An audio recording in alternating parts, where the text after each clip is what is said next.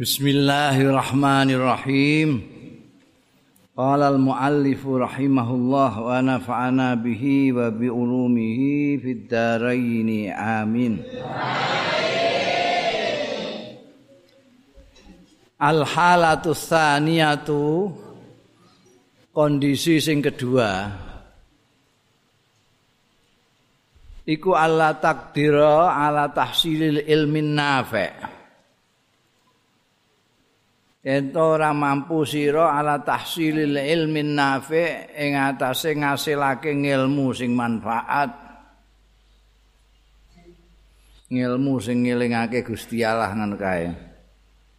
Lakin tastahil angking testapine tastahilu ketungkul sira biwadha ifil ibadati kelawan wazifah wazifah ibadah minal zikri angking zikir wal qur'ani lan maca qur'an wa tasbihati lan maca tasbih was sholati lan sembayang.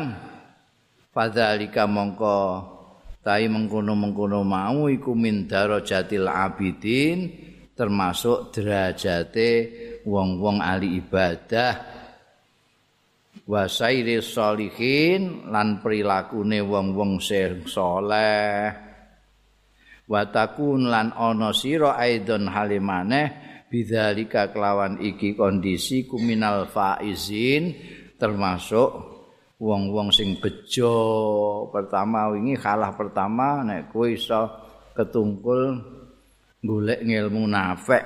Sing kedua kowe ra iso ora mampu wis kedaluwarsa karek ngibadah tok niku ya apik iku termasuk derajate ahli ibadah.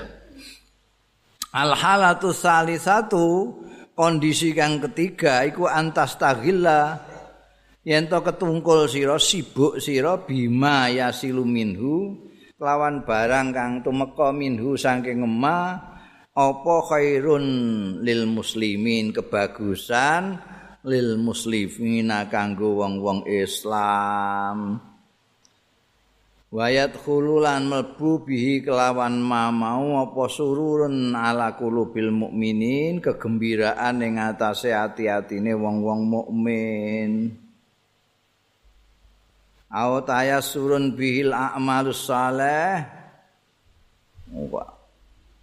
Altu yasiru bi utawa gampangake bi kelawan ma mau mayasilu al a'mal sholihata ing amal-amal sing soleh lis sholihina kanggo wong-wong sing soleh. Dadi orang sibuk golek ilmu ora sibuk ngibadah tapi sibuk berbuat baik untuk orang-orang Islam. Aktivitas opolah kono pokoke nulung-nulung wong Islam. Bantu-bantu ya nyeneng-nyenengno wong sing butuh bantuan mbok bantu.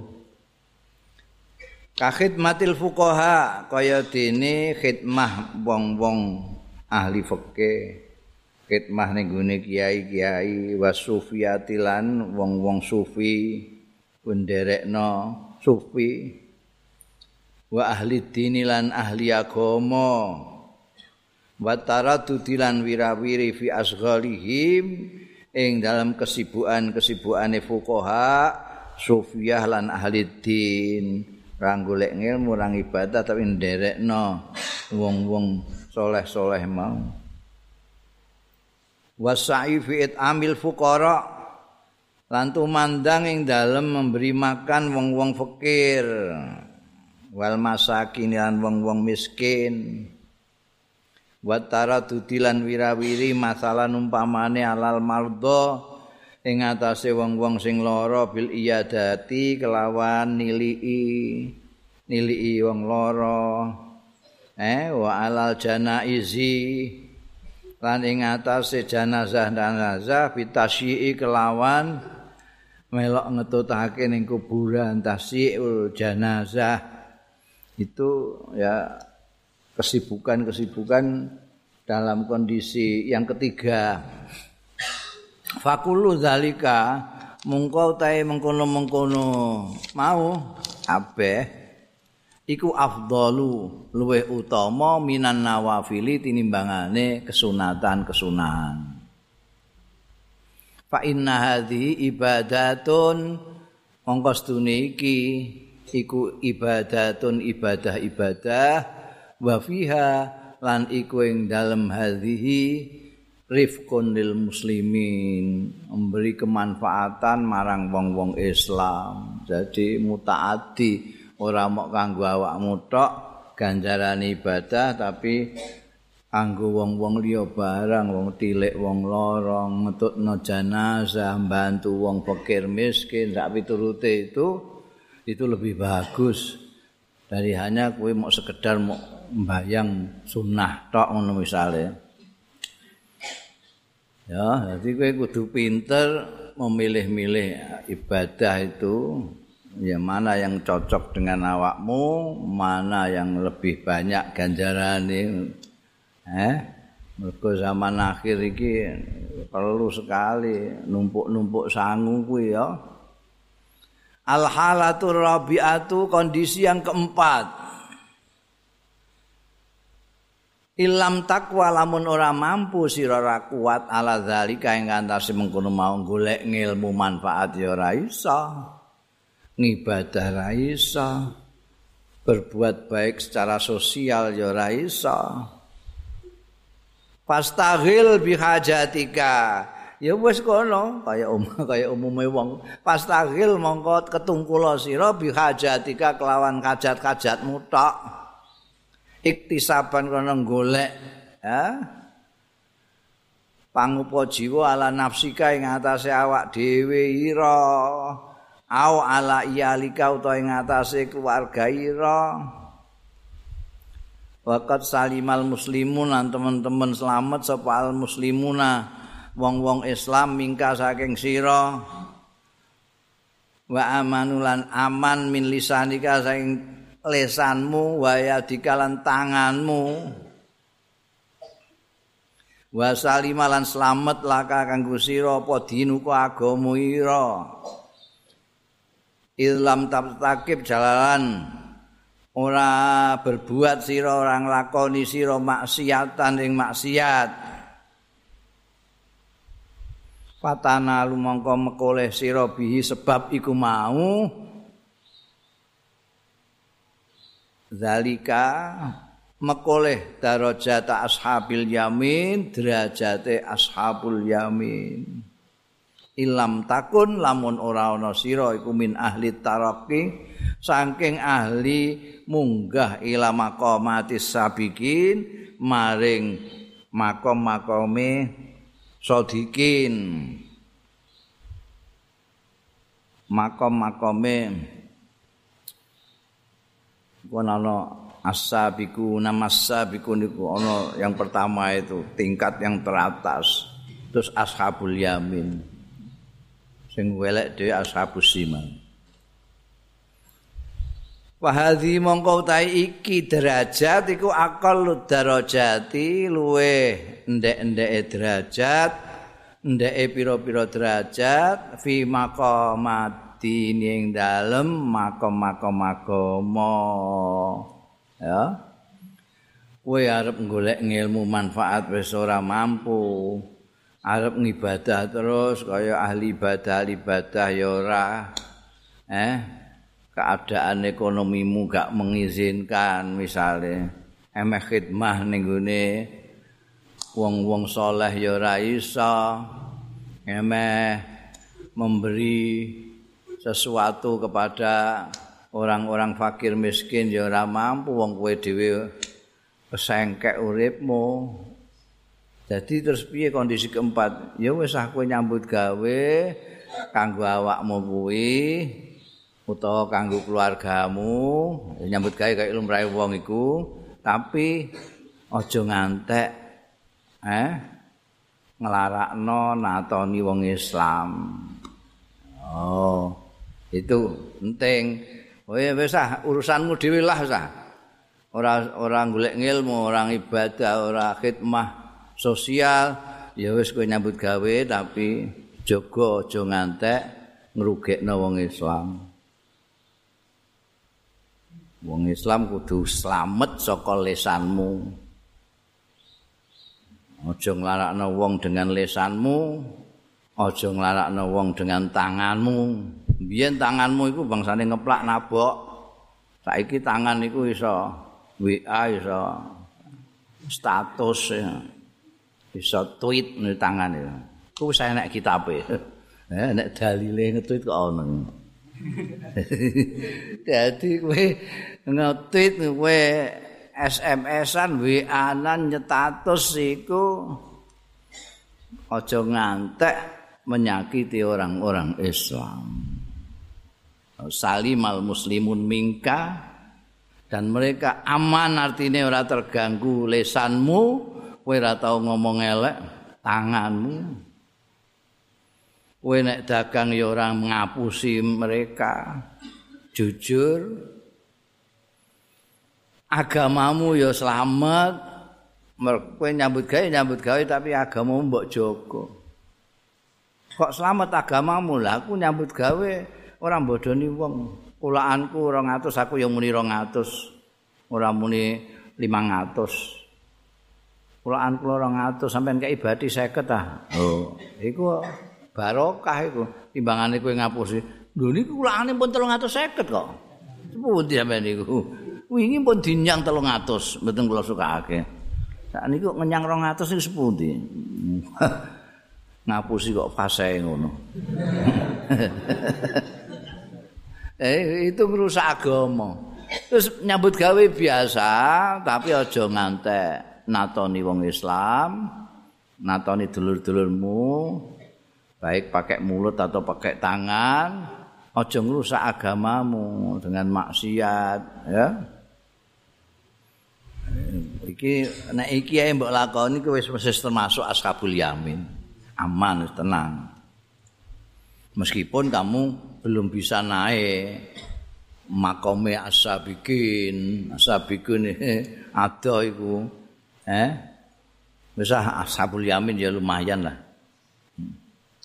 Iki derajat sing paling ndek dhewe iki derajat sing paling ndek. Apa jenenge? Halah rabiah iki kondisi keempat ini yang paling ndek. Kalau tidak itu semua oleh ilmu manfaat ora ngaji ora ngibadah ora. Terus apa jenenge? Bekerja sosial oga khidmah sosial ora. Nyambut gawe dengan baik ya ora. Pada kanggo kepentingane dhewe ya ora. Nyambut gawe ambekan kadang-kadang nyantet wong liya bareng. Mergo kono sajane kok laris dikne ora nek wa ma ba'da hadza iku. Utahi barang sawise iki sing tingkat yang paling ndek iki. Fahuwa mongko utahi ma ba'da hadza iku min marati isyayatini iku termasuk panggonan angone setan-setan. Setan nek golek pangan ya ning kono iku ah beneran kowe nek golek ilmu manfaat yoga, ibadah yoga, pekerja sosial yoga, nyambut gawe kau kepentinganmu dewi dengan menjaga lesanmu anu mau tadi wis nek ora iku kabeh iku pakanane setan. Setan sip ngono ae ngono iku.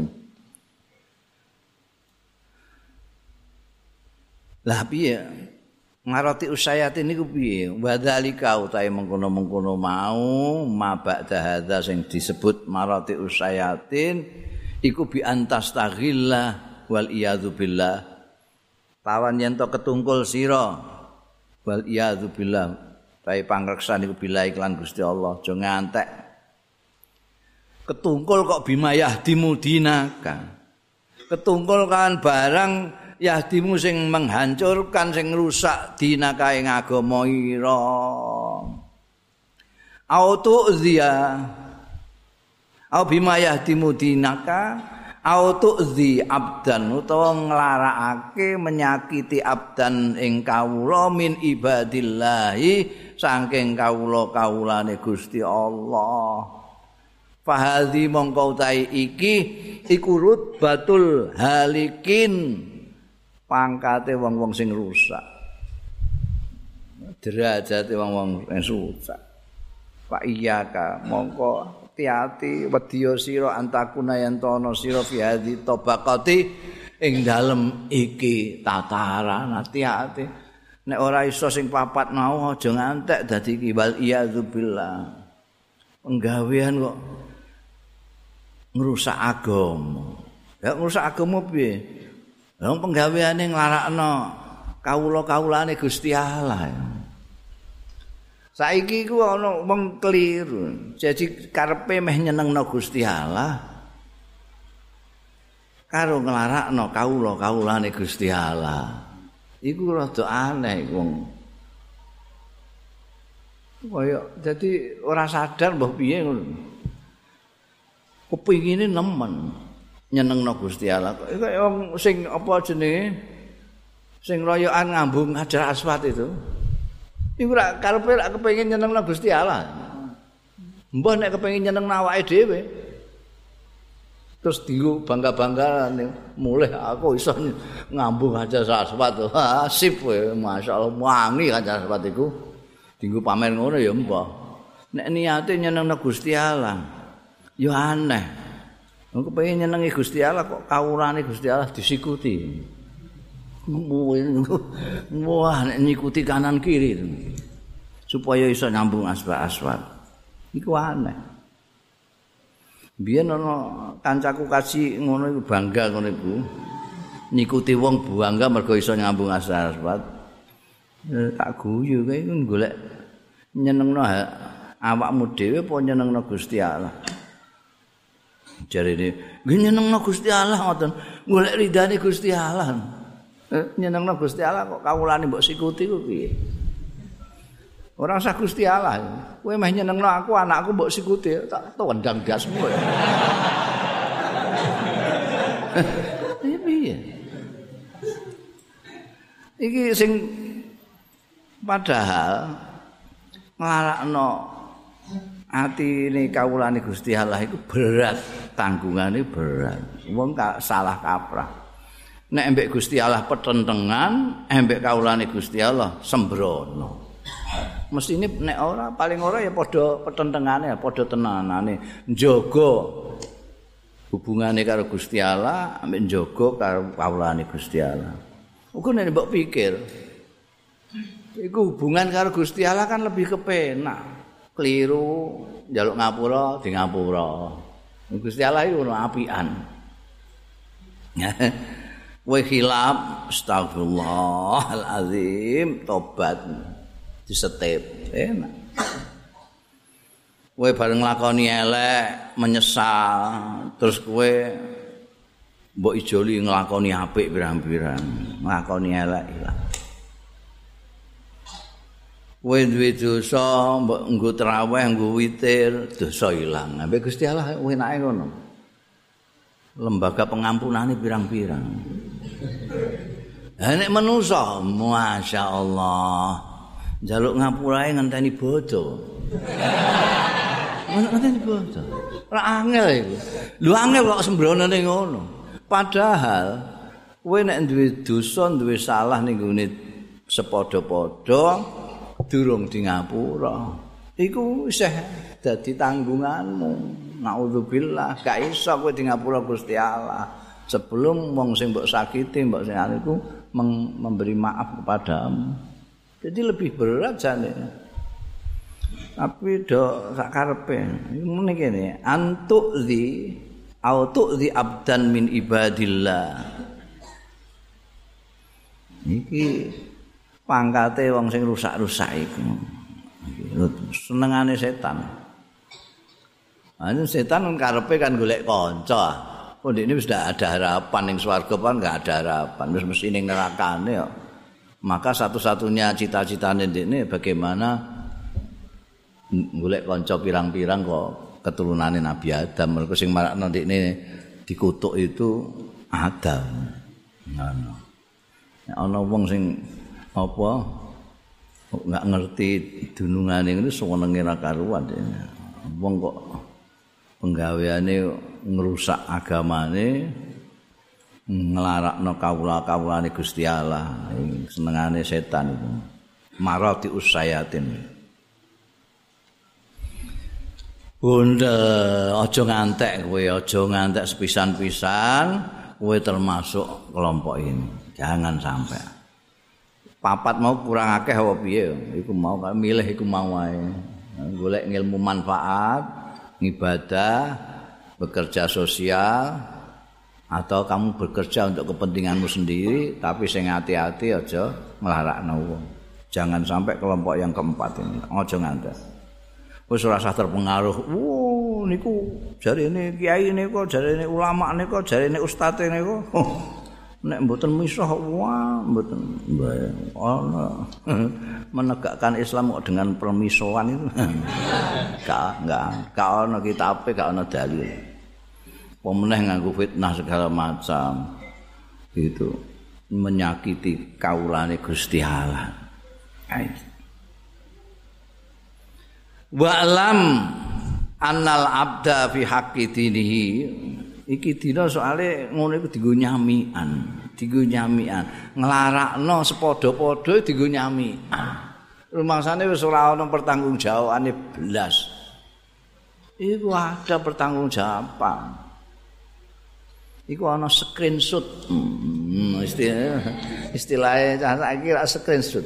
Iku sing mbok tulis ning gone status, ning gone tweet, ning gone WA iku di screenshot malaikat jret.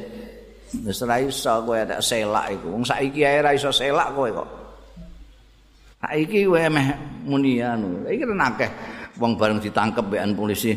Oh saya tidak. Nggih, Tidak apa iki lho, iki rak tulisanmu iki. Oh iya, maaf, maaf. Lah ning kene iso dimaafno kowe. Lah nek engko ning kono piye jae? Wis kadung tekan kono. Oh, tidak ada maaf bagimu. Oh, lara kabeh. Yo. Hati-hati aja ngantek termasuk ini.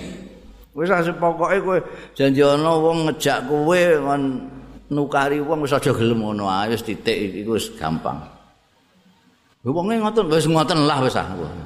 ngoten piye sae welek lha kowe gak duwe elek wong kowe gak gelem ngilo ah mbok ingeti wong liya terus sae ngilo ah ngarep mbok ngilo dadakan luwih elek timbangane wong sing mbok elek-elek lho aja gelem pokoke dijak anu iki tolong di-share itu tolong di-share atau di copy paste ya Lho gawe fitnah miso kok dikongkon nge-share kowe kok gelem lha apa? Rasudi tulis ngono. Lu nge-share rasudi. Kayak tanda pentung yang gede gede.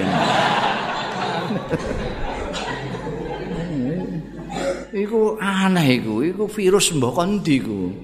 Virus itu jahat banget. Iku sing kepolone iku sok mben aku pengen niteni aku niku dina kiamat. Ning yaumul hisab iku wong sapa? Sing kelakuan kok ngono Nyebar kok nyebar kebencian itu aneh. Wong jenenge ae Islam. Damai. Salam iku damai. Sing duwe agama iku antas salam zat kang yang maha damai kita semua nanti mengharap masuk darussalam di tempat kedamaian nah, itu kan kebalikan sekali toh dengan Islam kebalikan lah kok mengatasnamakan Islam tapi untuk merusak kedamaian nek kowe mikir sithik wis rasudi Karena kadang pun juga mikir kok apa. Diparingi Gusti Allah kaya ngono hebate akal gak dinggo. Wa lam annal abda. Lan ngerti sira annal abda sak temene kawula. Fi haqqi dinihi ing dalem hak agamane kawula iku ala salasi darajatin ing atase telu pira-pira tingkatan. Jadi dari sudut agamanya kawulane Gusti Allah itu ada tiga tingkat. Imma salimun ana kalane tingkatan wong slamet. Slamet iki wong slamet iki. Piye wong slamet iku bahwa utawi salim iku al muktasir sing nyukupake ala adail faraidi ing atase nglaksanakno keferduan-keferduan. Wa tarkil maasi lan tinggal pira-pira maksiat. Iki jenenge tingkat salim.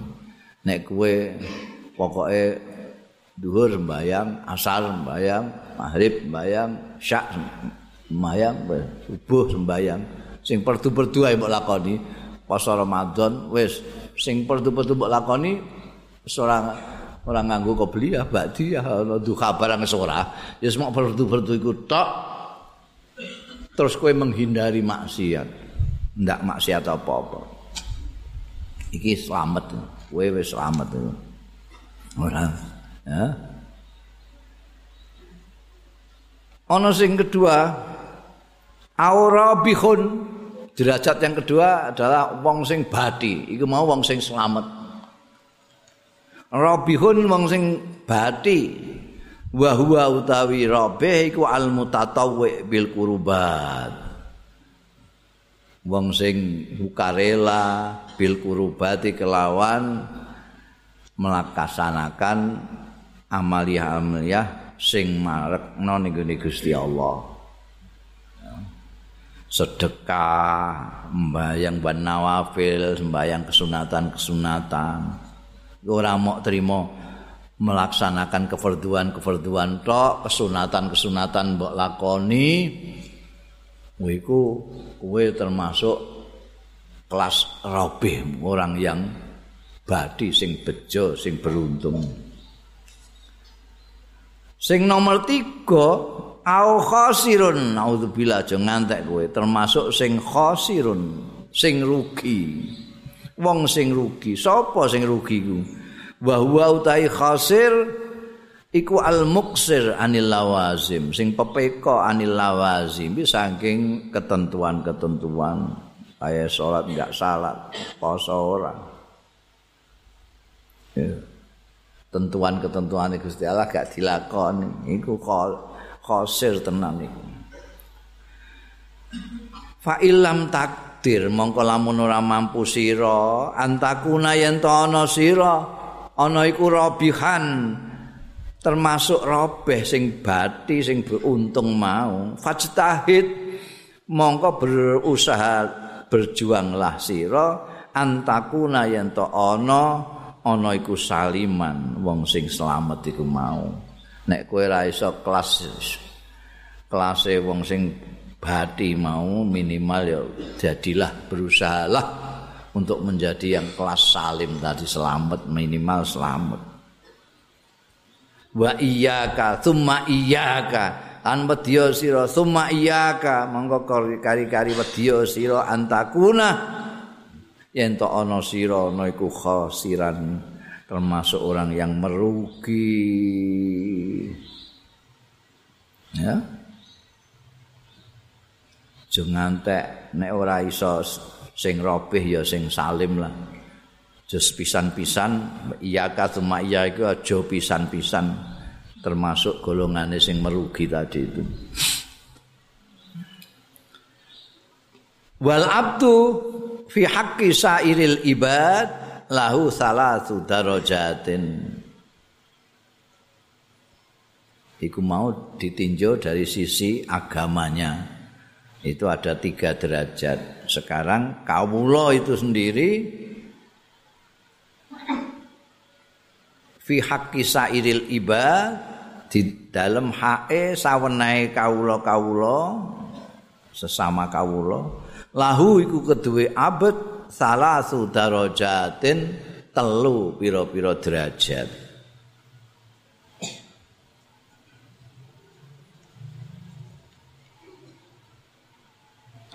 Al-ula yang pertama, derajat yang pertama.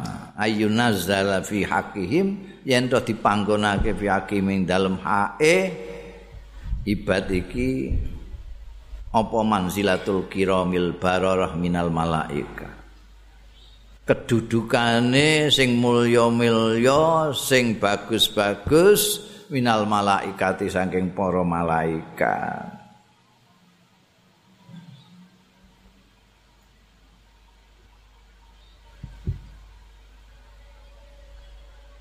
Yang pertama.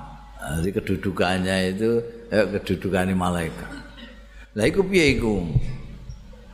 Bahwa ayasa bahwa utai abet sing kedudukane kaya ngono mau iku ayasa yen to tumandang ya abet fi aghradim ing dalem kepentingan-kepentingane ibad oh kowe berusaha melakukan hal-hal yang menolong orang lain, kepentingan orang lain kamu penuhi, kau berusaha untuk memenuhi kepentingan-kepentingan orang lain. Ono wong kesengkek mbok bantu. Ini termasuk kiromil bararah iki. Rifkon mergo welas bihim kelawan ibad wa idkhal surur lan nglebokake kegembiraan nyenengno wong eh penggawean nulung wong nyenengno wong bantu wong membantu sesama. Inilah yang disebut kedudukannya kedudukan al-kiramil bararah malaikat-malaikat. Nek iso usahakan kamu begitu melakukan hal-hal untuk menolong sesama paling enggak menyenangkan hatinya sesama. Nek ana kancamu sing butuh utangan nek kowe duwe ya mbok utangi eh? Aja mbok wongkon balekno punjul. Iku jenenge rentenir iku. Ulungi biasa. Nek kowe ora duwe ya golekno utangan sapa ta sapa kanjeng nabi ku biyen nek nulungi wong iku nek gak pas gak kagungan iku terus sapa sing duwe ya? Aku nyileh sik. Ngono kok. Dinggo bantu wong. Nyileh sik engko tak ijoli. Engko terus ana sing nyileh. Kanjeng nabi utang karo kepengin nulung wong nyenengno wong. Ya idkhalus surur ala qulubihim. Hati-hatine kowe iku ganjarane gedhe nyenengno wong eh? Ana kancamu dolan sugoi kopi eh? Nek dene senengane rokok kaya rokok senenge ra karuan. Nek gak duwe apa-apa kowe ya dijak ngomong sing enak-enak ngene iki ngrokok di Samsu karo ngopi lelet ngono enak ya Kang ya. iya, sayange padha gak duwene ya. Ku nyeneng no, seneng dekne. Eh? Aja gelakno wong ngono. Gelakno. Ditangi ra duwe ya kandha ra duwe. Engko tak golek-golekno nek aku untuk utangan Kang tak cilek. Aja kok terus bangkune aku iki bang tapi lendang. Kok aku rene utang, rene utang. Lagi sepisan kok rene utang, rene utang. Wis gak oleh ya wis. Wong ngameh nembung utang iku wae wis lara kabeh wis. Korban perasaan ra karu-karuan. Dadi nek kowe terus jawabanu elek ngono iku larane gak karu-karuan. Arep mangkat muni iku lho. Meh muni utang ngono iku. Oh, masyaallah. Aku kowe kok terus ngomong ngene. Bangkune bang api ya. Utang mara rene, utang mara rene. Mulane nyambut gawe sing sregep wae. Ben ora utangan ngono iku. Hmm. Ngono iku tambah gelo. Ya, idkhalus surur fi qulubihim. Artine nglebokno kegembiraan di hatinya orang-orang sesama kawulane Gusti Allah. Ganjarane gedhe. Asania tu sing kedua yunazzal yen to den nggonake fi hakim ing dalem hae kawula mau man manzilatan manzilatal bahaim wal jamadat. Masya Allah.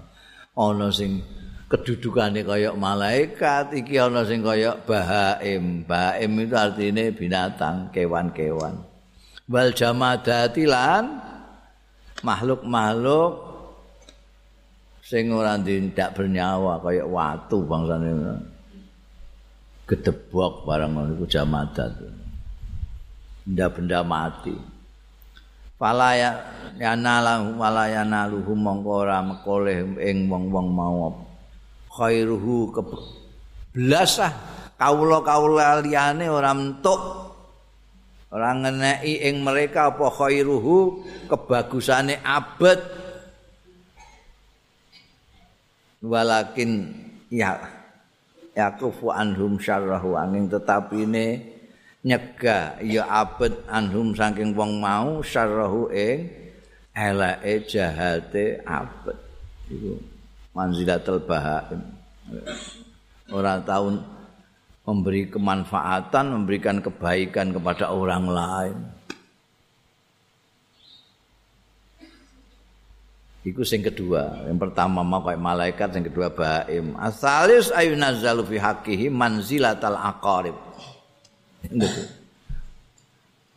Baim iku bangsane wedhus, sapi, ana ya, kebu, ngono Sing ketiga iki kedudakane fi haqqihi ming dalam hae kawula-kawula liyane manzilatal aqarib. Kedudukane kala jengking, kala jengking. Wal hayat lan ula. Ula-ula wasibai lan satu galak satu galak ad-dariyati sing galak-galak sing berbahaya. Layurja sing ora iso diarapno apa khairuhu baguse abet. Wa yutaqalan den hindari apa syarruhu elake abet. Sing ketiga iki paling elek iki. Dadi ora kaya malaikat ora kaya wedhus sapi malah kaya ula. kaya macan kaya kala jengking enake mok melarati wong tok. Enake mok memberi bahaya kepada orang lain. Ora iso diarep apike tapi jahat tok. Fa ilam takdir lamun ora mampu sira antal tahika yen nututi sira bi ufukil malaikati lawan tatarane malaikat-malaikat mau memberi kebahagiaan kepada orang lain, menolong orang lain. Ora iso ke situ ya fahdar. Mongko wedya sira antan zilayen tumurun sira andara jatil bahaim saking derajate kewan-kewan wal jamadati lan benda-benda mati turun ila maratibil aqaribi maring tingkat-tingkate kala jengking wal hayat lan ula wasiba ilan satu gala adoriyati sing liar yang berbahaya yang buas-buas fa in radita mongko lamun ridho sira li nafsika kanggo awak dhewe ira. We ridho an nuzula ing mudun min a'la iliyin saking luwih dhuwur-dhuwure swarga iliyin fala tardalah bil hawa. Nek kowe pancen ora kepengin mudun saka a'la iliyin fala tardo mongko ora ridho sira laha keduwe nafsika bil huwi kelawan jegur ila asfalis safilin. Nek kowe ora iso munggah tekan mundur ya aja ngantek tekan asfalas safilin. Eh? Ngantek sak ngisor-ngisore sing paling ngisor. Ora iso ning puncak surga anggere aja ngantek tekan inti neraka fa'alaka tanju kifafan lalaka wala alaika apa apa iku terus ya ya fa'laka ya apa fa'alaka fa'alaka aku dadi curiga saiki ambekan nusae kitab iki apa wae piye ku Hah? Pala alaka. Kandhani ya. Hmm. Pala alaka. Kowe ku gak ono lame alaka. Sampai ngertos ya, ngerti to wong kiai.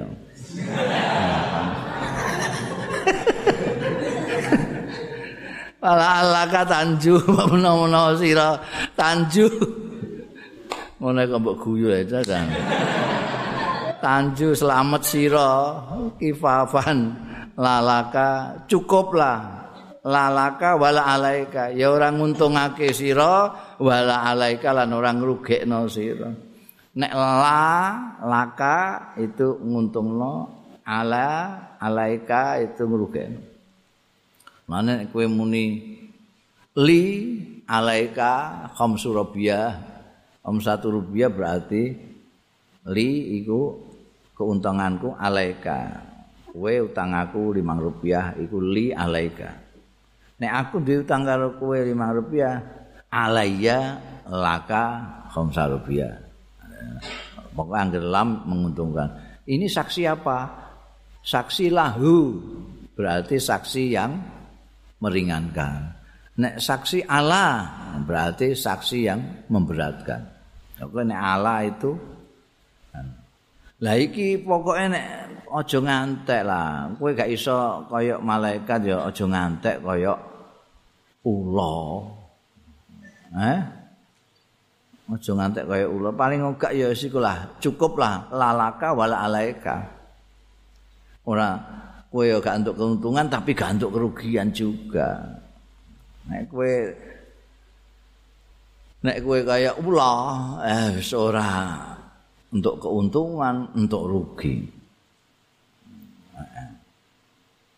Fa'alaika fi bayadi naharika alla tastaghil mongko netepono sira fi bayadi naharika ing dalem padange awanira alla tastaghila ing ora ketungkul sira illa bimayan fauka kejaba kelawan barang yang fauka kang manfaati ya maka ing sira. Fi ma'adika ing dalem panggonan bali rongko ning dina kiamat. Au ma'asika utawa dalam kehidupanmu saiki iki alladzi la yastaghni anhu wa anil isti'anah kang ora sumugih anhu saking mayan fauka wa anil isti'anah lan saking njaluk tulung bihi kelawan mayan fauka alama adika ing ngatasé anggonan balira au ma'asika utawa kehidupan ira. Pokoke lakukanlah yang bermanfaat untukmu itu apa? Baik untuk nanti di akhirat ataupun untuk kehidupanmu yang sekarang. Itu layas tahni untuk tidak bisa. Kau tinggalkan tidak bisa. Itu penting. Karena kamu tidak bisa mempersetakan. Lah usah. Nggak bisa. Ini penting untuk ma'adika wa ma'asika fa in ajasta anil qiyam bi haqqi dinika mongko lamun ora mampu sira anil qiyami saking jumenengi bi haqqi dinika kelawan hae agama ira ma'a mukhalatatin nasi sartane kumpul wong. Eh, wah kula niku butuh saged kumpul tiang-tiang ngeten sedaya potongane. Eh kula kengken terus cekelan kali agama niku rada repot kula. Eh niki kanca niku kanca. Niki ngejak tukaran, niki ngejak mitnah wong, niki ngejak misoi tiang. Ah, sakit kula niki. Maki ajeng sembahyang sunat diparani, dijak dolan. Nah, pun angel pokoke kula nek ajeng jejegake agama kula niki karo kumpul tiang wis angel piye nek ngono iku amun ora mampu sira anil qiyam bihaqi dinika ma'al mukhalatatin nas. Wa kunta lan ana sira lataslam ora iso slamet. Fal uzlatu mongko utawi uzla menyendiri iku aula laka luwe utama laka kedue sira. Eh fa alaika mongko netepono sira biya kelawan uzla. Fa fiha mongko iku ing dalem uzla an najatu ta isla selamat wa salamatu lan wiluje eh? Nek kowe ra iso. Wah mboten saged. Ora trimo ra iso. Jejekno agama kumpul wong-wong iki malah kula mboten menjamin kula ki ambak mboten risak niki kumpul kae tiang-tiang. Kula pun mboten saged jejekake agama malah saged rusak nek tiang kaya ngeten iki. Ya nek ngono ya uzlah wae. Menyendiri. Munggah ning gunung kono. Eh, urip dhewean ngliwet-ngliwet dhewe anu dhewe ning dhuwur gunung. Bangane kumpul wong kowe rusak. Uzlah lebih baik. Mergo selamat kowe.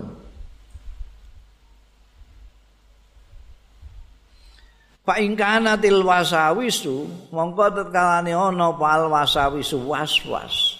Ridu kadang-kadang pikiran itu macam-macam. Lah kowe ning kene ngene iki lha apa? Ning kene ya isih nglamun donya ae kok. Dhuwur gunung tapi pikiranmu kok ning gone mall. Wis padha wae. Iki nek ingkang natil wasawi sufil uzlati dalam uzlah mau menyendiri mau tu jadi buka iku narik-narik iya wasawis ka ing sira. Ilama maring barang layar do kang ora rido sapa Allah taala Gusti Allah taala. Walam takdir lan ora mampu sira alakom iha ing atase nahan wasawis mau. Biwawa ifil ibadati kelawan wazifah waribah ibadah tinggu salat barangku ya iseh ae ridu itu iseh ae padahal wis ning dhuwur gunung terus piye carane Pak Alaika bin Naum turu ae kowe ini penyelesaian yang paling baik kowe timbangane ra iso apa-apa turu ae wis Apa ngerti kowe ngipi ning swarga? Alaika mongko netepono sira bin naumi kelawan turu. Lamet. Wis munggah gunung bareng kok isih ridu terus saya pikiran saya gak jenak. Fahuwa mongko utawi naum iku ahsanu ahwalika luwih bagus-baguse kondisi-kondisi ra. wa ahwalina dan kondisi-kondisi kita orang yang kowe tok kita orang juga begitu Ida ajasna anil ghanimah tatkala orang mampu kita anil ghanimati saking untuk ghanimah. Ghanimah itu sesuatu yang kita dapat ketika kita melawan orang-orang yang musyrik yang merangi kita kita dapat rampasan itu. Nek kita ndak dapat ghanimah ya radina bisalamati kita puas bisalamati kelawan wilujeng fil hazimati dalam kekalahan. Eh nek perang kok gak menang ya kalah lah anggere slamet ngono. Iku gambarane wong sing ora iso apa jejekno agama di tengah-tengah masyarakat ya gak iso. Wis menyendiri kok isih pikirane ya isih gak dunung wis turu wae. Iku kalah tapi selamat eh kalah tapi selamat oh, turu kok. Eh turu kan gak ngrasani wong. Turu kan gak misai wong. Turu kan ora mitnah wong. Turu kan ora nge-tweet. Hmm. sing ora-ora.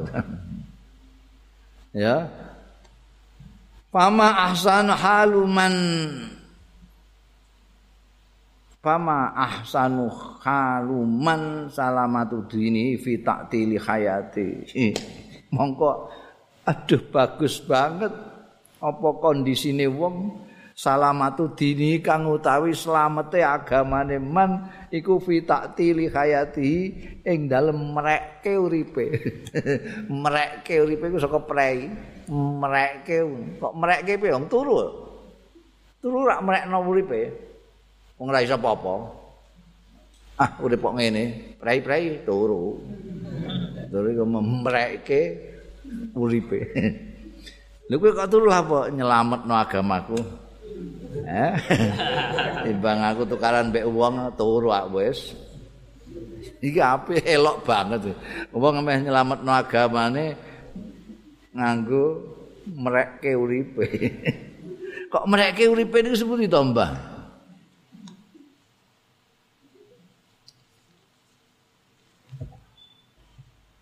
Lho, soalnya izin naum, jalanan utahe turu, iku kan apa gak ana tulisane liyane iki.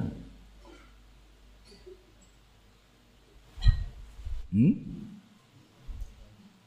Apa tulisannya itu? Akhul mau. Ya Allah. Ini kentean mangsi kok percetaan ini. kok gak ono Mergo turu kuwi dulure pati, dulure pati. Mbah adike mbah kangane nem. Pokoke dulure mati. Padha-padha gak gak iso apa-apa. Padha-padha ora iso obah. Wong mati ora obah. Wong turu ya ora obah. Nek kecuali nek diobahno. Wa huwa utawi naum iku taktilul hayati. Iku mrekake kehidupan.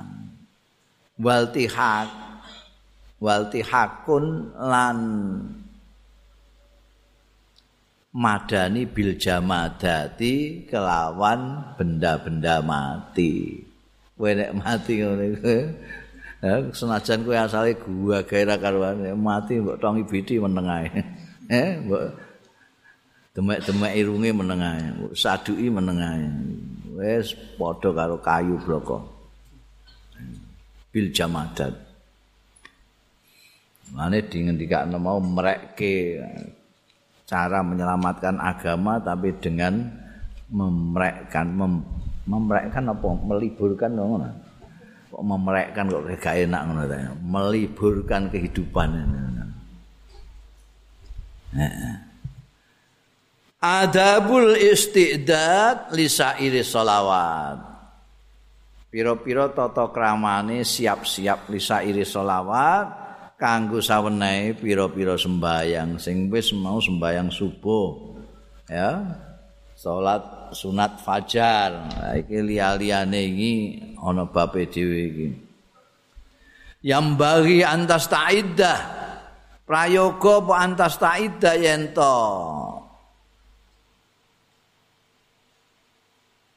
Siap sira tastaida cawis-cawis sira. Qabla zawali sadurunge zawal sadurunge lingsir kowe kudu siap-siap li salati zuhri kanggo sembayang zuhur. Ngomong jadi salat itu jadi pekerjaan tugas yang baku bagi kita itu. Jadi ada persiapan menghadapi suatu tadi habis sembahyang subuh terus zikiran rapi kegiatan-kegiatan tadi.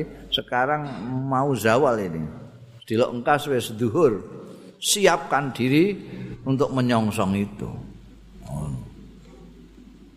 Nah, biasanya wong salat itu dang tinggu sampen sampen dalam kehidupan itu dijak kancane dolan sik tak salat sedelok lho ngono. Dijak dolan itu. Jadi dolane lebih penting. Aku tak salat sedelok. Dijak bisnis ya ngono. Ayo, ayo. Pasar lagi rame-rame ini. Sik tak salat sedelok. Ya sedelok tenang. Du du du du du. Selalu. Modal iki mesti kudune kudu siap. Iki tugas menghadap Allah taala ya. Jadi kudu siap sak durunge zawal di salati zuhri. Terus pun dinyiapkan fanam mongko turu sira alqailulata ing turu awan. Oh, turu awan. Ingkana lamun ana laka keduwe sira apa kiamun jumeneng fil laili ing dalem bengi. Nek kowe engko nek duwe biasane kowe duwe wiridan nek bengi jungkung apike kowe awan turu sedelok ya turu jenenge kailulah iku turu awan iku supaya engko energimu itu kembali dan nanti malam kamu bisa melek bengi untuk qiyamul lail. Ingkana laka qiyamun fil laili au sahrun fil khairi utawa melek fil khairi dalam kebagusan. Mergo kowe duwe tugas nek bengi iku apa mutolaah kitab apa nulis apa-apa lah ada tugas malam apike kowe turu awan. Fa inna fiha mongko setuhune iku fiha ing dalem kailulah maunatan menolong membantu ala qiyamil laili ing atase jumenengi bengi. Wae meh apa jungkung bengi kuwi turu awan itu bisa membantu. Kama anna fis sahur kaya dene setuhune iku ing dalem sahur maunatan iso bantu nulung ala siamin nahar ing atase poso awane. Nah ya. turu kailulah kuwi turu awan untuk membantu nanti kamu jungkung malam. Kayak kue sahur kuwi bantu kue engko nek poso awan kuwi kuat. Wal kailulatu ta turu awan minggu iri kiamil lail tanpa jungkung bilaili kelawan bengi iku kasahuri kaya dene sahur min ghairi siamin saking tanpa poso binahari kelawan awan Eh, mau dipadakno. Dipadakno. Turu awan kuwi padha karo sahur. Turu awan kuwi iso bantu kowe njungkung bengi. Arep tarawih, witir, tahajud. Padha karo kowe nek sahur iku ben kuat poso awane. Lah nek kowe turu awan ora njungkung bengi, iku padha karo kowe sahur ora poso. Wis sahur bloko-bloko. Ya padha karo sarapan ah. Wajtahid lan temenan ana sira berjuang sira antas taikidha berusaha tenan sira antas taikidha ing yen tangi qabla zawali sadurunge zawal sadurunge lingsire srengenge. Jadi berusaha aja ngantek kebablasan sadurunge lingsire srengenge kowe tangi wa tatawaddo alan wudu sira. Wa tahdura lan hadir sira al masjid ing masjid. Wa tusalli lan salat sira tahiyatal masjidi. Ing salat tahiyatal masjid wa tantadzira lan ngenteni sira al muadzina ing muadzin. Dadi sadurunge azan. Kok malah wis komat barang lagi kledreng-kledreng wa tantadzir muadzin. Enteni kene gene masjid ngantek tekani muadzin. Ngondikne azan fatujibahu. Mongkon jawab mbak jawab sira ing muadzin. Allahu akbar Allahu akbar Allahu akbar Allahu akbar. Kayak wingi kayak Sumatakumu mongko keri-keri jumeneng sira fatusalli. Mongko salat sira arba rakaatin arba rakaatin ing papat pira-pira rakaat. Akibat zawal. Ngiring-iringi zawal. Ya bayang patang rakaat sak durunge zuhur. Ngiring-iringi zawal kowe sembahyang Karena ana sapa Rasulullah Kanjeng Rasul sallallahu alaihi wasallam yutawiluhunna ndawakake sapa Kanjeng Rasul hahunna ing arba rakaatin wa yaqulu lan dawuh sapa Kanjeng Rasul sallallahu alaihi wasallam hadza waktun utawi iki akibat zawal iku iki mono waktun wektu tuftahu sing dibuka fihi ing dalam waktu apa abwabus samai? Lawang-lawang langit. Fa uhibbu mongko demen sapa ingsun. Ayur fa'a yen to diangkat li kedue ingsun fihi ing dalem waktu iki. Apa amalun solihun amal soleh. Dadi ngiri-ngiri iki lingsire srengenge itu dawuh Kanjeng Nabi lawang langit dibuka. Dadi kowe nek ngamal ning kono ngamal munggah langsung wong dibuka langite Kanjeng Nabi mulane nek wayahe ngono iku salat patang rakaat suwi banget sadurunge salat fardu. Salat sunat dawa komentare kenapa kok salat dawa pada waktu itu? Ini soalnya waktu di mana pintu-pintu langit dibuka. Jadi aku ingin amalku yang soleh ini naik ke atas. Wahadil arba'u tawi iki patang rakaat iku qabla dzuhri sak durunge zuhur. Wa hadil arba qabla dzuhur sak durunge zuhur. Iku sunnatun muakkadatun sunnah sing dikukuhake. Ya patang rakaat sak durunge zuhur iku sunnah muakkadah tegete sunnah sing dikukuhake ora tau kanjeng Nabi Muhammad sallallahu alaihi wasallam ninggal kuwi Itu lakon iki. Fafil khabari Mongko iku ing dalam hadis utawi annaman sallaha setuhune wong sing salat ing patang rakaat kuwi fa ahsana mongko bagusake ya man sallahunna bagusake ruku ahunna ing rukuke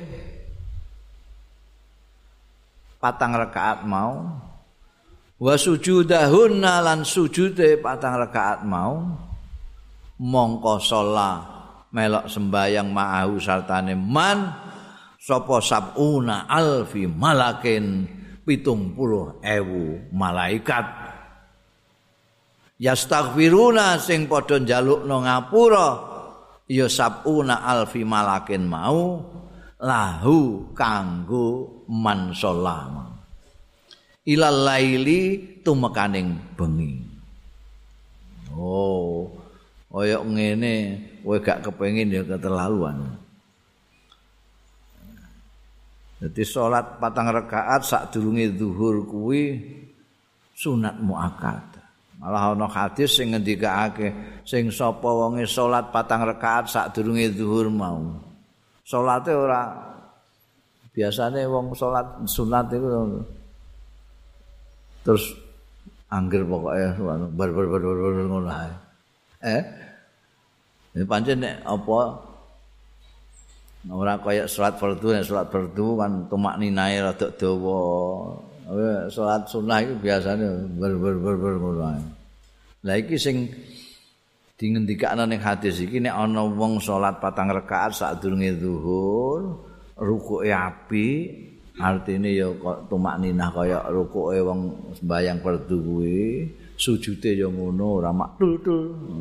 Kaya manuk notol ngono kae. Wong sing salat patang rakaat sadurunge zuhur rukuke apik sujude apik iku ana malaikat 70.000 melok salat jaluk nang ngapura ndikne masyaallah.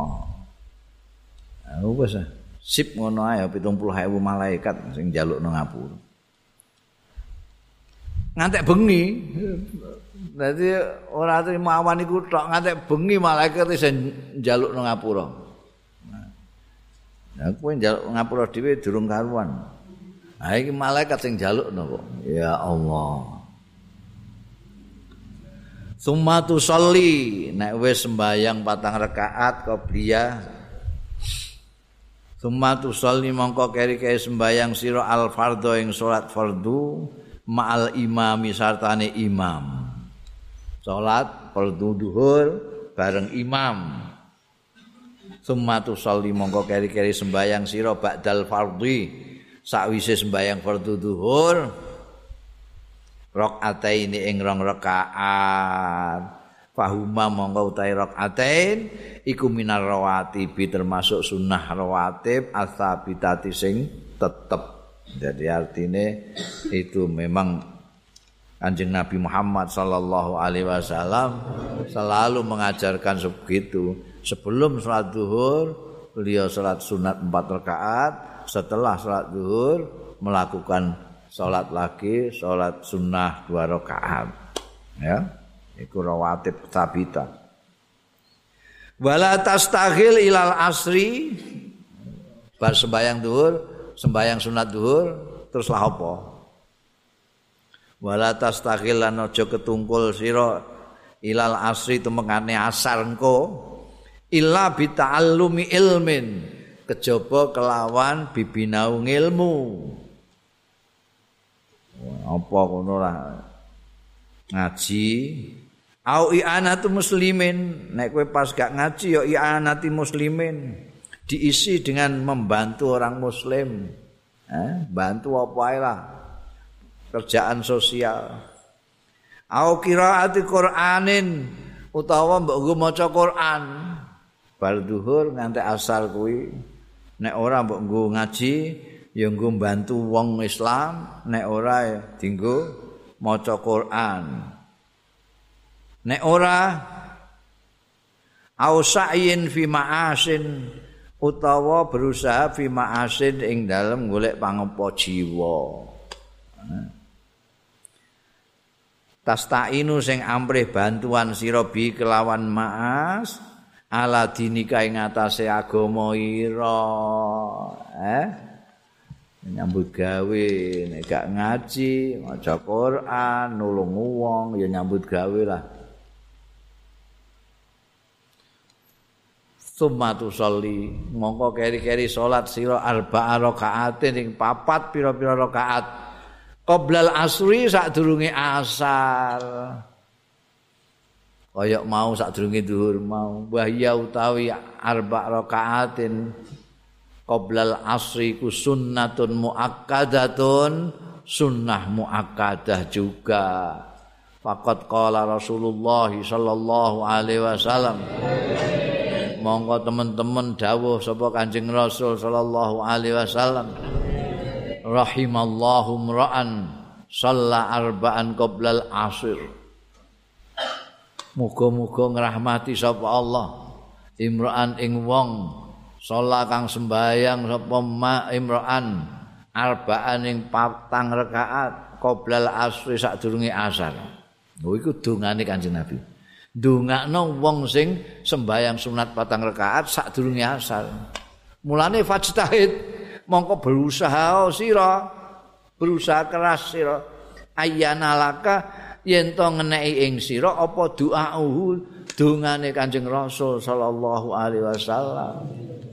Berusaha supaya kue termasuk sing didongakno Kanjeng Rasul.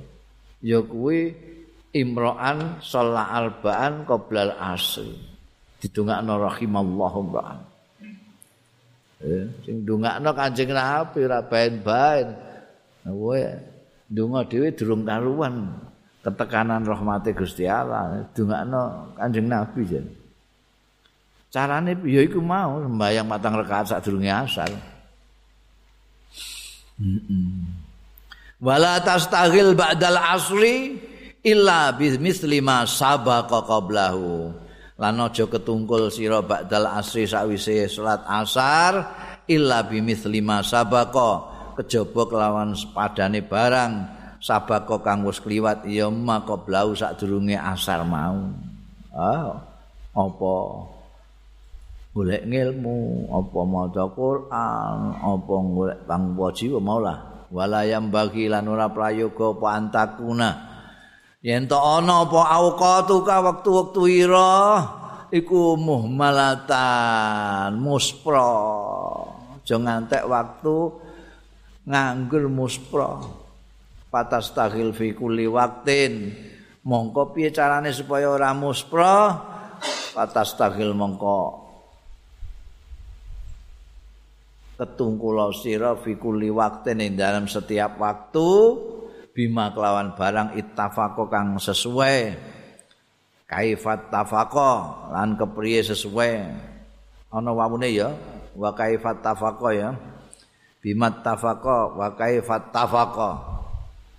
Iku kan ana apa jenenge wis didhawuhke mbek Imam Ghazali nek yahene maca iki maca iki sadurunge iki maca iki sembayang iki iku ya, sesuaikan itu. Sadurunge sembayang sakwise sembayang bal yang bagi antu hasab nafsak. Balik prayoga apa antu khas? Tu khasi bayento ngoreksi sira nafsaka ing awakira eh koreksi awakmu iku wis bener apa urung? Wa turatib auradaka wa turattibalan nyusun sira auradaka ing wirid-wirid ira wa wadhaifaka lan tugas-tugas sira jam semene aku apa? Aku tuhasim iku ngoreksi diri muhasabah. Aku mau basubuh lah apa? Tak durunge dhuwur aku lah apa? Aku muhasabah terus mbok atur setiap sak durungi sembayang ini sakwise sembayang maca iki mbunge iki aku wiridan ngene itu diatur. Filailika ing dalem bengiro wa nahari kala nawanira siang malam kalau malam ini kalau siang ini. Watu inu watu ayina antu hasiba watu ayina lan entokake sira likuli waktin kanggo saben-saben wektu nentokake suhlan ing tugas kesibukan. La ta'addahu sing ora ngliwati sira ing suhlan. Jangan sampai kamu tidak lakukan. Kamu tentukan jadwal kamu kegiatan kamu sebelum sesudah salat iki iki iki. Eh? Dan tentukan waktu ini kesibukannya ini. Waktu ini baca kitab, waktu ini baca Quran, waktu ini mulai koyo, mulai hidup dan dan setiap itu jangan kamu lampaui ya sepanjang wayai maca kitab ya maca kitab. La ada iku ngono. Nek wis mbok tentokno dhewe, mbok jadwal dhewe, kesibukan itu jangan kamu lampaui. Wa tu'sir wala tu'sir fihi siwahu. Lan aja milih sira ing dalam waktu mau siwahu ing liyane suhlan. Kalau sudah kamu tentukan jam sekian saya harus mutolaah. Ya mutolaah. Jangan memilih yang lain. Kok terus ana sing morong. Ning kowe terus ngejak dolan. Terus kowe milih dolan timbangane kesibukan yang sudah kamu tentukan. Jangan. Wa bidzalika lan kelawan mengkono mau. Dengan menusun sedemikian rupa jadwal agenda kegiatanmu tadi dan kamu tetapi dengan pasti tadharu pertelo apa barokatul auqati berkahi pira-pira wektu. Wektu iku ana sing berkah ana sing ora nek mbok perlakukan seperti itu waktu itu itu berarti kamu itu menghormati waktu sekali. Kamu susun acara tirik-tirik jam sekian ini jam sekian pada duhur pas sembahyang sunat dua rakaat terus apa ngaji terus iki terus iki. Itu berarti kamu menghormati waktu dan itu berkah waktu sing mbok hormati itu akan membawa keberkahan terhadap waktu. Eh? Berkah waktu itu piye? Ya kaya iku. Apa jenenge mbok bayangno Imam Ghazali ini kemarin berapa umurnya? 52. 52 nek nganggo tanggalan Masehi. 55 kalau Hijriah. 55 karangane ratusan Ihya etok iku wae mbok tulis andek mati kowe gak rampung. Ya jajal nek percaya. Tulis tok iku. Bayangno pada waktu itu tidak ada listrik. Apalagi komputer tidak ada. Tulis tul tul tul. Berapa jilid itu ya? 55 tahun dengan karya yang sebegitu banyaknya. Apa Imam Nawawi Imam Nawawi itu hanya 45 yuswan. Warangannya sekian banyak. Udah apa jenenge dibaca orang banyak sekali. Itu apa jenenge barokah. Umurnya barokah. Nek kepengin sing rene sing anyar-anyar iki Allah yarham Kiai Wahid Hasim ramane Gus Dur iku dadi menteri umur piro ini jadi ketua NU umur pitulikur saiki jek ibnu nek cah saiki umur pitulikur jek ibnu beliau sudah ketua NU jadi menteri durung patang puluh durung likuran. Kan insya Allah. Nah, itu banyak yang begitu itu. Barokah, umure barokah. Barokatul awqat. Fa amma idza tarakta nafsaka sudan mongko tetkalane ana dene tetkalane tinggal sira nafsaka ing awak sira mbok tinggal sudan tanpa guna. Muhmalan tul muspra ihmalal bahaimi kaya musprane binatang-binatang kewan-kewan latadi sing ora ngerti bahaim bimadza tastaghil kelawan apa tastaghil ketungkul ya bahaim fikuli waktin ning dalam setiap waktu nek kowe ngono. Ya kaya kewan-kewan itu gak ngerti ini kesibukannya apa? Barang ora tahu dicatet di ini ku rangkel ngeramban rono uyur rene di sing duwe ya melayu rono. Eh.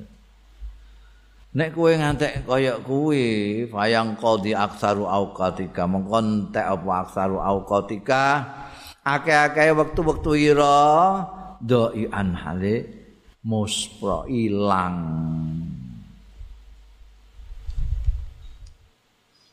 Terus piye, Dong? Wafataka ya. Eh? Ya. Piye? Aku ketika rak sak durunge doian mau, bar sak wise doian apa? Hmm? Wa aku neh. Payang qadi aksaru auqatika doian. Ya, ning nggonku mau wafataka ngono. Wa auqatuka lan utawi wektu-wektu ira iku umruka umurmu. Kadang-kadang kok kan lali, wektumu itu umurmu. Nek mbok sia-siakno berarti kowe niat-niatno umurmu. Mulai supaya gak tersia-sia susun yang bagus umurmu supaya bisa optimal sekali kamu manfaatkan umur itu orang kaya duit eh duit nek ilang ngono iso golek neh kowe ning pasar neh ora entuk duit neh Tapi nek wektumu ilang, wis ora iso bali, mbok gak iso mbok tututi gak iso. Wis wis ilang. Rong jam muspro, ya rong jam. Umurmu rong jam wis kalong. Hmm. Wa auqatu ka umruka. Wa umruka utai umurira iku raksu malika. iku kapitalmu, umur iku kapitalmu, modalmu ku ya umurmu kuwe. Gak di umur ya gak di modal. wa alaihi lan ing atase umrika tijaratuka dagangmu nganggo awak ngapa umurmu kuwe wa bihi lan kelawan umruka wusuluka utawi temeka tumeka ira ilana imi daril abad maring kenikmatane perkampungan abadi fi jibarillahi taala ing dalem ngarsane Allah taala. Oh? Itu itu umurmu penting sekali. Umurmu itu terdiri dari waktu-waktu, sak men, sak detik, sak menit, sak jam, sedino, seminggu, sak bulan, setahun. Itu umurmu itu. Fakullu nafasin min anfasika mongko utawi setiap ambekan nek nafsin awa-awaan nek nafasin ambekan nafas. Fakullu nafasin mongko setiap ambekan min anfasika saking ambekan-ambekan ira napas-napas ira iku jauharatun iku merupakan permata laki matalah sing ora ana laki matalah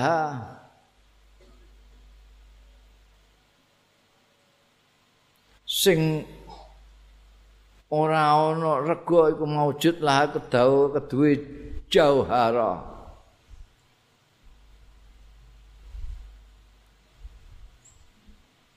Terus saya dong? Eh? Illa badala lahu. Jalaran ora ana ganti ku maujud lahu kedue nafas. Luar biasa nafasmu itu gak ono ganti ini. Setiap napas dari napasmu itu luar biasa harganya. Tidak ternilai harganya jalan ora iso diganti apa-apa. Fa idza fata fala audalahu mongko tetalane lewat fot. Apa nafas fala audalahu mongko ora ana bali lahu keduwe nafas. Mulane fala takun. Mongko aja ana sira aja ana iku kal hamqa kaya wong sing tolol.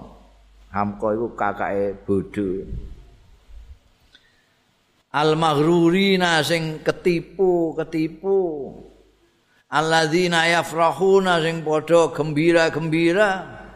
Kula yaumin ing dalam saben dina bi ziyadati amwalihim kelawan tambahe bondo-bondone alladzina ma'anuksani akmarihim sartane berkurangi umur-umure alladzina.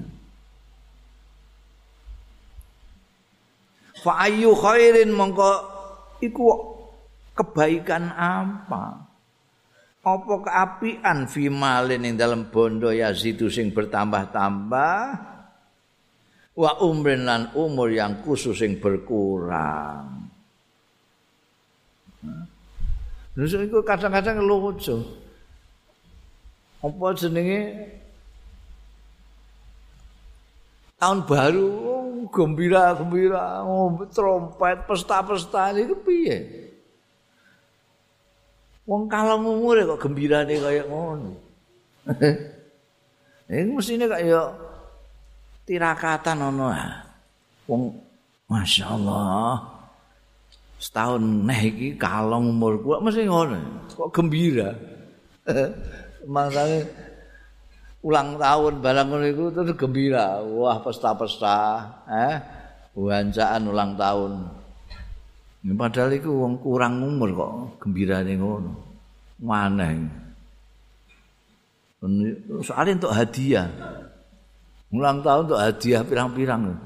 Lho hadiah pirang-pirang tapi umur kalong Iku piye kok iso gembira iku? Fa ayu khairin. Enake ning ndi apike ning ndi? untuk hadiah pirang-pirang tapi umur kurang. Dong umur itu modal. Kowe iso berbuat apa-apa saja karena kamu um-, berumur. Nek gak di umur wis ora iso. Wala tafra, mulane aja gembira kowe illa bi ziyadati ilmin, kejaba kelawan tambahe ilmu. Nek tambahe duit ngono ae ora pantes kowe gembira. Nek kowe tambah ilmu baru. Apa meneh au amalin sholihin utawa ngamal sing saleh. Kenek mbok syukuri kuwi. Nek nyukuri kalonge umur iku lucu. Nek tambahi um, ilmu, tambahi ngamal saleh iku patut.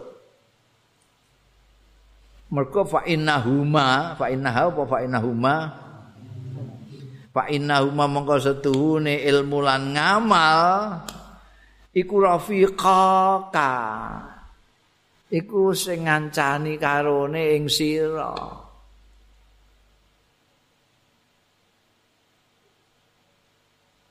Ya sahabanika ngancani ya ilmu lan amal ing sira fil qabri dalam kuburan. Haitsu yatakhallafu di mana ninggal. Angka saking sira sapa ahluka keluargamu wa malukalan bandamu wa waladukalan anakmu wa asdika ukalan kanca-kancamu. Kowe kenek gembira bersyukur nek kowe tambah ilmu tambah ngamal soleh. Sebab ilmu mbek ngamal soleh iki sing iso mbok cagerno ngancani kowe nalika kowe dhewean ning kuburan dulurmu keluargamu ora nunggoni bandamu rambok gawa.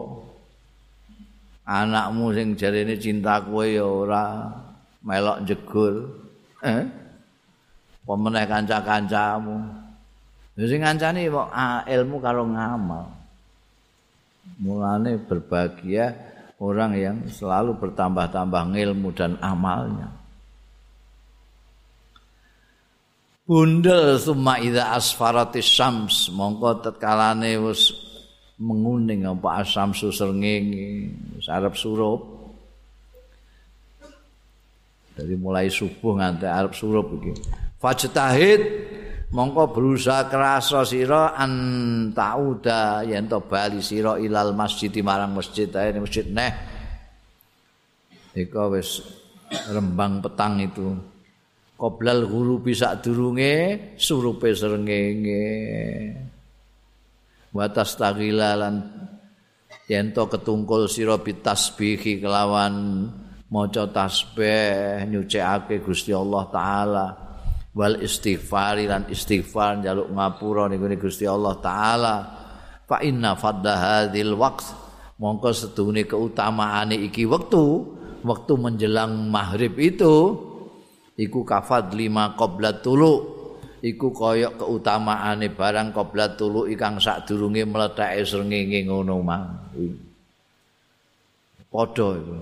Menjelang surupe srengenge iku padha karo sebelum mlethake srengenge. Qala Allah taala dawuh sapa Gusti Allah taala wasabbih bihamdi rabbika qabla tulu'i syamsi wa qabla ghurubiha no. wasabbih lan nyucekno sira bihamdi rabbika kelawan ngalembono pangeran ira. Qabla tulu'i syamsi sadurunge mlethake srengenge. Wa qabla ghurubilan sadurunge surupe srengenge. Jadi sama satu tingkat itu keutamaannya Wakra lan maca sira qabla guru bisamsi sadurunge suruping srengenge maca wasyamsi waduhaha eh, tanda kutip walail idza yahsya tanda kutip ne wal muawwidzataini lan kul a'udzu birabbil falak lan kul a'udzu birabbin nas wal taghrub lan supaya surup alaika ing atase sira apa asam susrengenge wa anta hale utahe sira iku fil istighfar ing dalam istighfar. Usahakan pada waktu surupnya srengenge kamu sedang istighfar. Astagfirullah astagfirullah astagfirullah srengenge ini mingslep kowe lagi istighfar. Masyaallah fa idza sami'tal adzan mongko tetkalane krungu sira al adzana ing adzan fa ajib mongko jawab ana sira. Wakul lan ngucap sira ba'dau sakwise adzan Allahumma inni as'aluka. Duh Gusti Allah ini sak temene kula as'aluka nyuwun kula. Ing panjenengan inda ikbali lailika nalikane madepe dalu panjenengan wa idbari nahari kalan mungkure siang panjenengan. Wa khuduri salatika lan hadire salat panjenengan. Wa aswati duatika lan suara-suarane pengundang-undang panjenengan. Kula nyuwun antuk tia yen to paring panjenengan Muhammadan ing Kanjeng Nabi Muhammad sallallahu alaihi wasallam. Al wasilah ta ing wasilah wal fadilah talan fadilah wasyarafalan syaraf. Kemuliaan keutamaan kehormatan. Anane. Wa darajatar rafi'ata. Lan derajat ingkang luhur. Wab athulan mugi. Nangeaken panjenengan ing Kanjeng Rasul Muhammad sallallahu alaihi wasallam. Ngirim panjenengan ing Kanjeng Rasul. Al maqam al mahmuda ing kedudukan ingkang terpuji alladzi wa'atahu ingkang janjiaken panjenengan ing Kanjeng Nabi Muhammad sallallahu alaihi wasallam. Innaka sak temene panjenengan iku la tukhliful mi'at mboten nulayani panjenengan al mi'ata ing janji. Wa du'a utai du'a iku kama sabaqah kaya donga sing wis dhisik ya ma ya Dungo-dungo sakwise adzan-adzan wingi ra wis iku. Adzan subuh bareng kae. Ya iku diwaca. Iku nek mbok waca ajek mbok waca angger bar jawabi adzan iku kowe untuk syafaate Kanjeng Rasul sallallahu alaihi wasallam. Summa sholli al fardha. Mongko keri-keri salat sira al fardha ing salat fardu. Salat fardu maghrib ba'da jawabil muadzini sakwise jawabi wong sing azan wal iqamati lan qomate wa shollilan salata sira ba'dahu sakwise kuwi rakaataini ing rong rakaat. Artine ba'dahu sakwise salat fardu. Nek sakwise salat fardu maghrib kuwi kowe salat rong rakaat salat ba'diyatul maghrib. Qabla antatakal lama sadurunge guneman sira ya begitu habis sembahyang maghrib nek arep wiridan ya wiridan bariku undang gaginan sembahyang ba'diyah rong rakaat. Aja momongan sik lagi sembahyang. Qabla antatakallam fahuma mongko ta rakaate ki iku roti batul maghribi sunnah roti bae sembahyang maghrib. Wa in sholaita nek sekawan sepundi wa in shallaita lamun salat sira ba'dahu ma sawise rong rakaat iki mau mbok tambahi arbaan patang rakaat fa iya mongko ta arbaan aidon halimane iku ya sunnatun sunnah. Eh? Tapi sing mesti roti bae ya rong rakaat mau mbok tambahi patang rakaat ya apik sunnah. Wa in amkanaka lamun mungkinake ing sira apa atanwiya apa antanwiya yen to niat sira al iktikaf ing iktikaf ilal isya marang isya wa tukhyalan ngurip-ngurip sira ma bainal isya'aini ing barang kang antarane maghrib lan isya. Bisolatin kelawan salat. Fakot waroda monggo teman-teman temeka fi fadli dalika ing dalam keutamaane mengkono-mengkono niat iktikaf lan ngurip-ngurip mabainal isyain apa ma keterangan layuh so kang ora iso diitung saking akeh. Wahya utawi ngono mau eh niat iktikaf terus ngurip-ngurip antarane isyain dengan salat iku jenenge nasiatul lail Kena apa diarani nasiatul lail?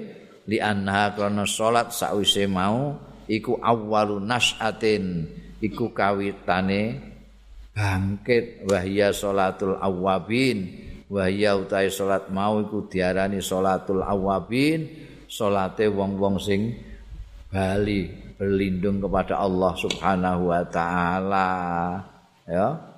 Kowe nek bar sembayang maghrib nek kowe pancen mungkinake kondisimu mungkin tidak ada gawean tidak apa terus kowe terus niat iktikaf ning ngene masjid sisan nunggu isya eh, itu apik fadilahe gede akeh keterangan-keterangan sing ngandakno nek ngono kuwi apik. Iku ngurip-ngurip mabainal isya'ain dengan salat dengan eh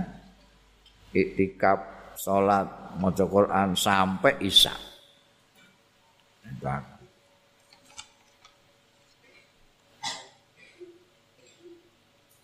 Wasu ilalan disuni pirsa. Sapa Rasulullah Kanjeng Rasul sallallahu alaihi wasallam. Angkauli ta'ala saking dawuh Gusti Allah taala tatajafa junubuhum benggang apa junubuhum? Lempeng-lempenge wong-wong mukmin iku wong-wong sing apik-apik iku anil madhaji saking panggonan-panggonan sarene. Tatajafa junubuhum anil madhaji.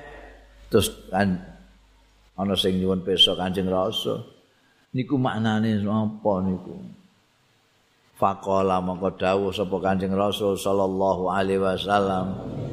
Iya, iya iku mau menggangake junubahum alal anil madaje iku iku salat. Salat napa? Iku as-salatu mabainal isya'ain, salat antarane isya loro. Isya loro iku artine maghrib karo isya. Maghrib dilongkas kan isya antara maghrib dan isya itu sholat itu disebut wong tata java junubum anil madhaj. Innaha sak temene salat bain ma bainal isya'ain iku tudhibu iso ngilangake bimul ghiyatin. Bimul ghiyati awalin nahar kelawan perkara-perkara sing logo sing ndak ada manfaate. Omong kosong sak piturute kuwi mulya gak ada artinya sama sekali. Ada waktu-waktu yang tidak ada artinya tadi. Sejak awan itu bisa dihilangkan dengan sholat mabainal isya'ain mulghayat awal nahar. Orang mau awal nahar tak ya? Wa akhirahu lan awan. Wa mulghayati jam'u mulghatin Mughayat iku jamake mulghatin. Wa hiya utai mulghat iku minal laghwi. Sesuatu yang tidak ada artinya, sesuatu yang tidak bermakna. Kadang-kadang kita mengucapkan atau melakukan sesuatu yang tidak ada artinya, tidak ada manfaatnya. Itu nek engko kowe pas antarane maghrib mbek isya kowe salat itu bisa dihilangkan itu. Wa idza dakhala waqtul isya mongko tetkalane mlebu apa manjing apa waqtul isya ya wektu isya fasalli mongko sembayang sira arba rakaatin papat pira-pira rakaat qoblal fardhi sadurunge sembayang fardu ihyaan sebagai ngurip-ngurip lima bainal adzanain antarane adzan lan qomat isya'en niku isya kalau maghrib azana niku azan karo komat. Kusufa ini ku grana rembulan lan grana srengenge. Fafadlu dzalika katsir mongko utahe keutamaane mengkono-mengkono. Patang rakaat sadurunge fardu katsirun niku akeh. Wa fil khabari lan iku kesebut ana ing hadis utawi annad du'a sedune donga bainal adzani antarane adzan wal iqamati lan iqamah la yuraddu. Ora tertolak ya doa ya.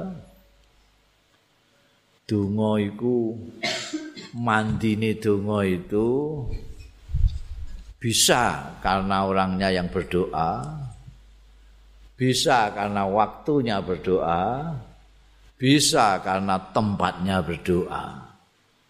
Jadi mandine donga. Ana sing ning diae ndonga dongane mandi iku dongane wong sing resik atine.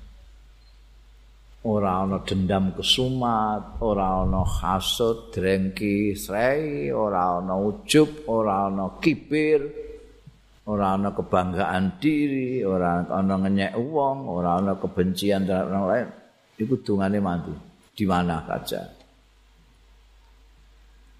Ana sing wektune sing mandi. Waktu mandi dina Jumat. Di antara waktu yang mandi itu antarane azan mbek komat. Iki sing kadang-kadang ora dipergunakan sama orang jadi embek ngenteni komat itu donga. Iku dongamu mandi. Senajan kowe dhewe ndak duwe kapasitas mandi dongamu. Tapi waktune iku sing ngepasi mandi. Anu.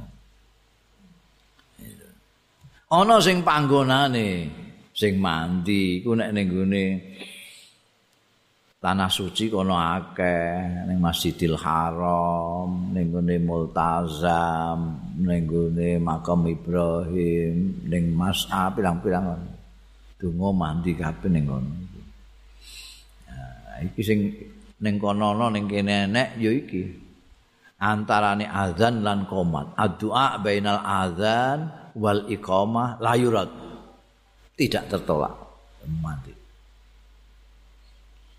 Mana aja kesusu bar azan terus qomat. Kayak waktu no, kandani muadzine aja ndang qomat lah. Senajan ya imame ya kandani aja ndang gage mlebu sik. Benana kesempatan untuk ndonga. Karena ndonga bainal azan wal iqamah itu la yurad. tidak tertolak artinya ditompok Gusti Allah. Bundel summa sholli mongko salat sira al fardhu ing salat fardhu isya. Wa shollilan salat sira al ratibata ing sunat ratiba pinten rakaataine ing rong rakaat. Waqra lan maca sira fihi ing dalem rakaaten salat sunat iki surat alif lam mim as-sajdah wa tabarakal mulk. Oh, iku sing diwaca sunat. Biasane kowe nek gelem surat sunat ya mesti kulhu mbek ina ataina. Iku wis lumayan kadang-kadang ra maca apa-apa wong sunat ae ngono. Kojae kok mergo sunat ae ora maca apa-apa. Enggak apike iku nganggo alif lam mim sajdah mbek tabarak. Bisa jadi kowe turu iku sudah baca surat tabarak. Wah niku mboten anu. Nek ora gelem ya au suratu Yasin wa Dukhan lah. Eh? Pilih endi kowe? Apa surat Alim Lam Alif Lam Mim Sajdah mbek Tabarok? Surat Muluk apa surat Yasin wa Dukhan? Serah kowe. Ngguyu iku berarti ora milih kabeh kowe. Padhalika mongko utahe mengkono-mengkono mau iku maksurun. Iku maksur. Maksur itu berantai dari kanjeng Rasul Shallallahu Alaihi Wasallam ke sahabat-sahabat ke tabiin sampai ke kita. Maksurun anir Rasulillah an Rasulillahi saking kanjeng Rasul Shallallahu Alaihi Wasallam. Titik. Wasollilan sholato silo ba'dahu sakwise rong rakaat mau arba rakaatin sembayang tok iku Masya Allah ganjaran tok kowe nek gelem ngamalno iki ya Allah. Wes sangumu kebak banget iki. Wis bar salat rong rakaat iku mau ning maca tabarak sampean al islamin sajda iku isih sembayang neh patang rakaat. Fafil khobari mongko iku kesebut ana ing suwijining hadis mau tai barang ya dulu kang nuduhake mala azimi fadliha ing atase agunge fadilahe patang rakaat iki. Rong rakaat ba'diyah iku mau ya. Sing ba'diyah kan rotibah pancen. Sudah seharusnya ngerbar sembahyang isya ya sembahyang rong rakaat ba'diyatul isya. Kok bariku lagi sembahyang sunat patang rakaat iki fadilahe gedhe. Summa shallil witra. Nek wis iku mongko salat sira al witra ing salat witir. Ba'da sakwise arba rakaatin mau. Salasan telung rakaat bitas limatain kelawan dua salam harus salam loro au bitas limatin wahidatin utawa salam siji berarti loro ambek siji loro salam terus sijingkas salam eh, itu taslimatain utawa sekaligus telung rakaat salam sekali. Bitas limatin wahidah. Padha kenae rong rakaat dengan satu rakaat atau tiga sekaligus boleh. Itu salat witir. Wa kana lan ana sapa Rasulullah Kanjeng Rasul sallallahu alaihi wasallam. Yaqra'u maos. Ya Kanjeng Rasul fihi maing dalem. Fihi ma ya. Eh? Fiha. Bener fiha. Bener fiha nek fihi ma kan loro. Fiha iku telu. Wong iki sembayang sembayang witir iku sembayang ganjil kok fihi ma iku piye? Fiha sing bener. Fihi ma iku manik kakean. Eh, eh, kaya wae iku hima. Iki nuskahku kakeh salah iki piye?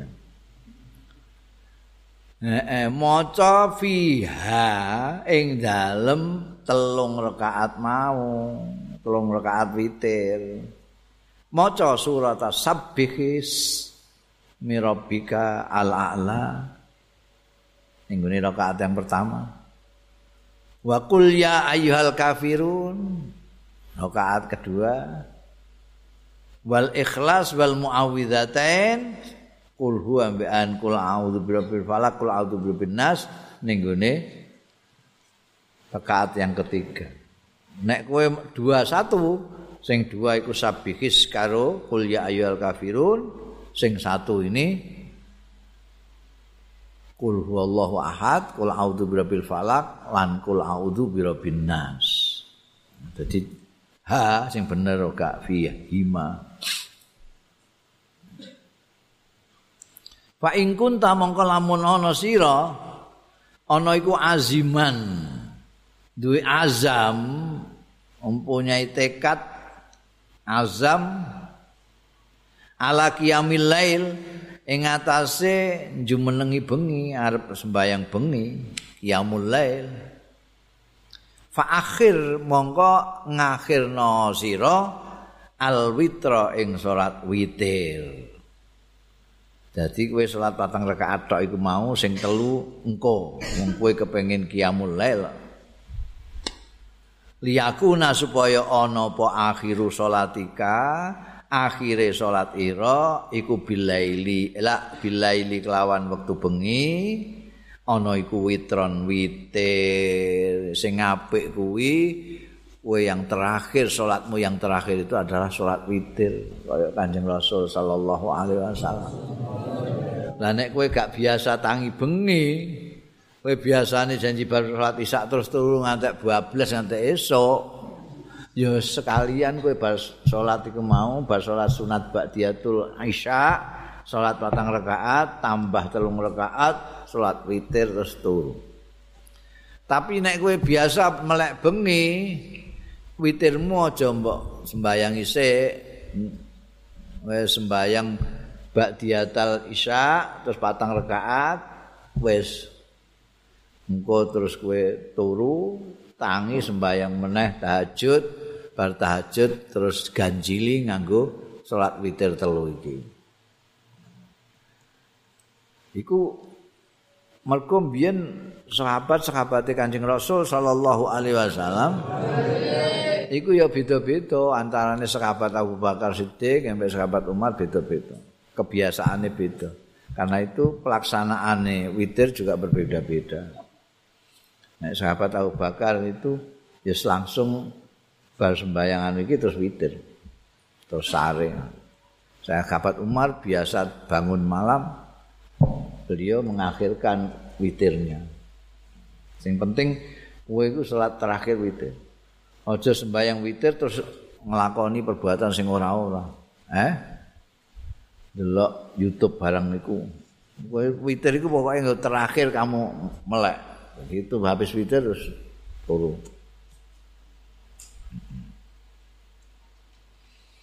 Eh, eh.